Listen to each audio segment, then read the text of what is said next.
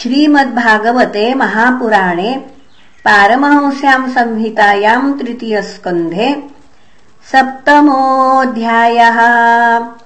श्रीशुक उवाच एवम् ब्रुवाणम् मैत्रेयम् द्वैपायनसुतो बुधः प्रीणयन्निव भारत्या विदुर प्रत्यभाषतो विदुर उवाच।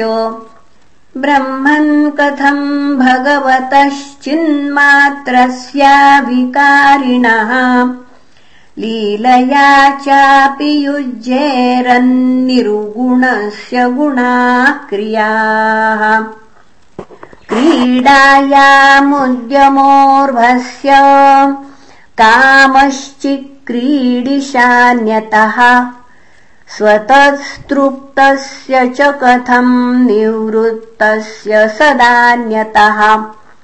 अस्त्राक्षीद्भगवान् विश्वम् गुणमय्यात्ममायया। तया संस्थापयत्तेतद्भूय प्रत्यभिधास्यति। देशतः कालतो योऽसा वस्थातः स्वतोऽन्यतः अविलुप्तावबोधात्मा स युज्येता जया कथम्। भगवानेक एवैष सर्वक्षेत्रेष्वस्थितः अमुष्य दुर्भगत्वम् वा क्लेशो वा कर्मभिः कुतः एतस्मिन्मे मनो विद्वन् खिद्यते ज्ञानसङ्कटे तन्नः पराणुदविभो कश्मलम् मानसम् महत्। श्रीशुक उवाच स इत्थम् चोदितक्षत्रा तत्त्वजिज्ञासुनाम मुनिः प्रत्याह भगवच्चित्तः। स्मयन्निव गतस्मयः। मैत्रेय्य उवाच सेयम् भगवतो माया यन्न येन विरुध्यते। ईश्वरस्य विमुक्तस्य कार्पण्यमुतबन्धनम्।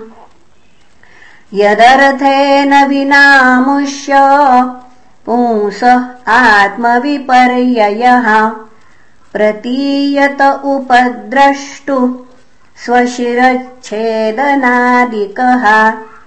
यथा जले चन्द्रमसः कम्पादिस्तत्कृतो गुणः।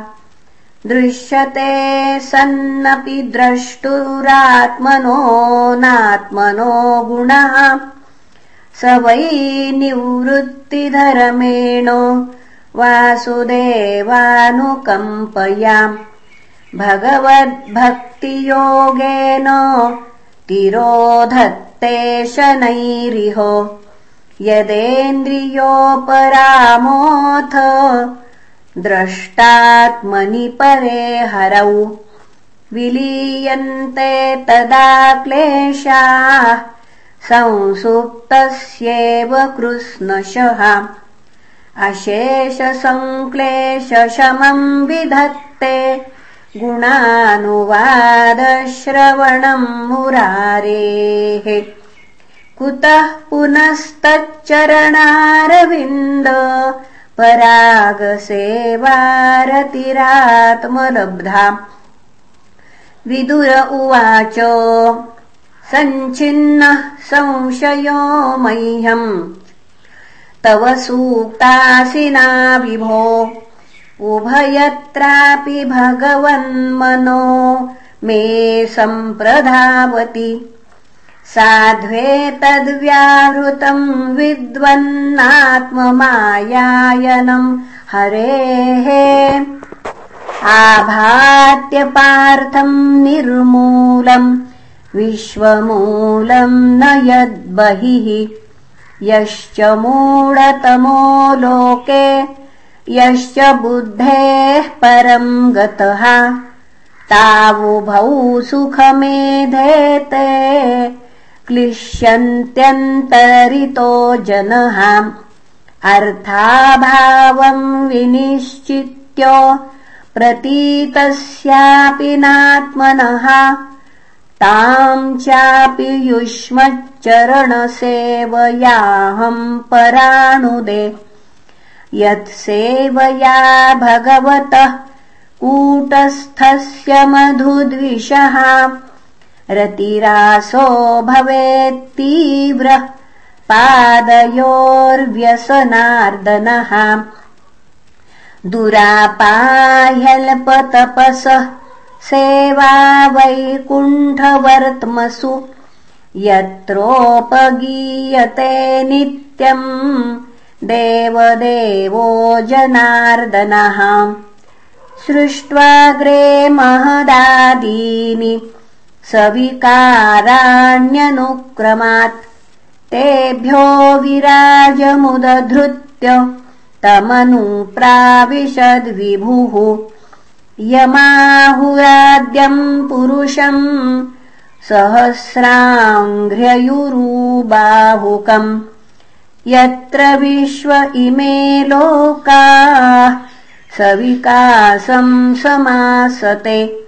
यस्मिन् दशविधः प्राणः सेन्द्रियार्थेन्द्रियश्रिवृत् त्वयेरितो यतो वर्णास्तद्विभूतिर्वदस्व नः यत्र पुत्रैश्च पौत्रैश्च न तृप्तृभिः सह गोत्रजैः। प्रजाविचित्राकृतय आसन्याभिरिदम् ततम्। प्रजापतीनाम् सपतिश्च क्लुपेकान् प्रजापतिन्।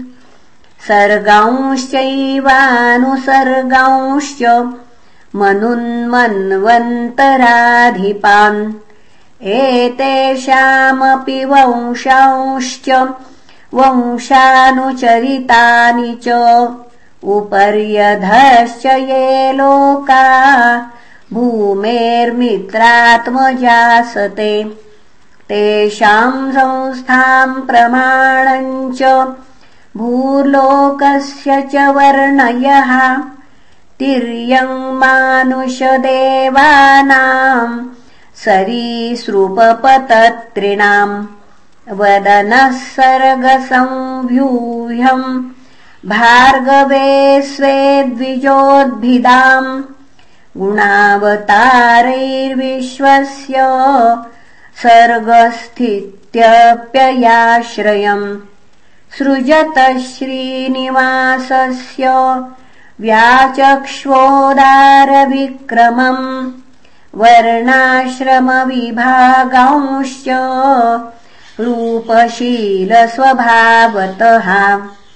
ऋषीणाम् जन्मकर्मादि वेदस्य च विकर्षणम् यज्ञस्य च वितानानि योगस्य च पथ प्रभो।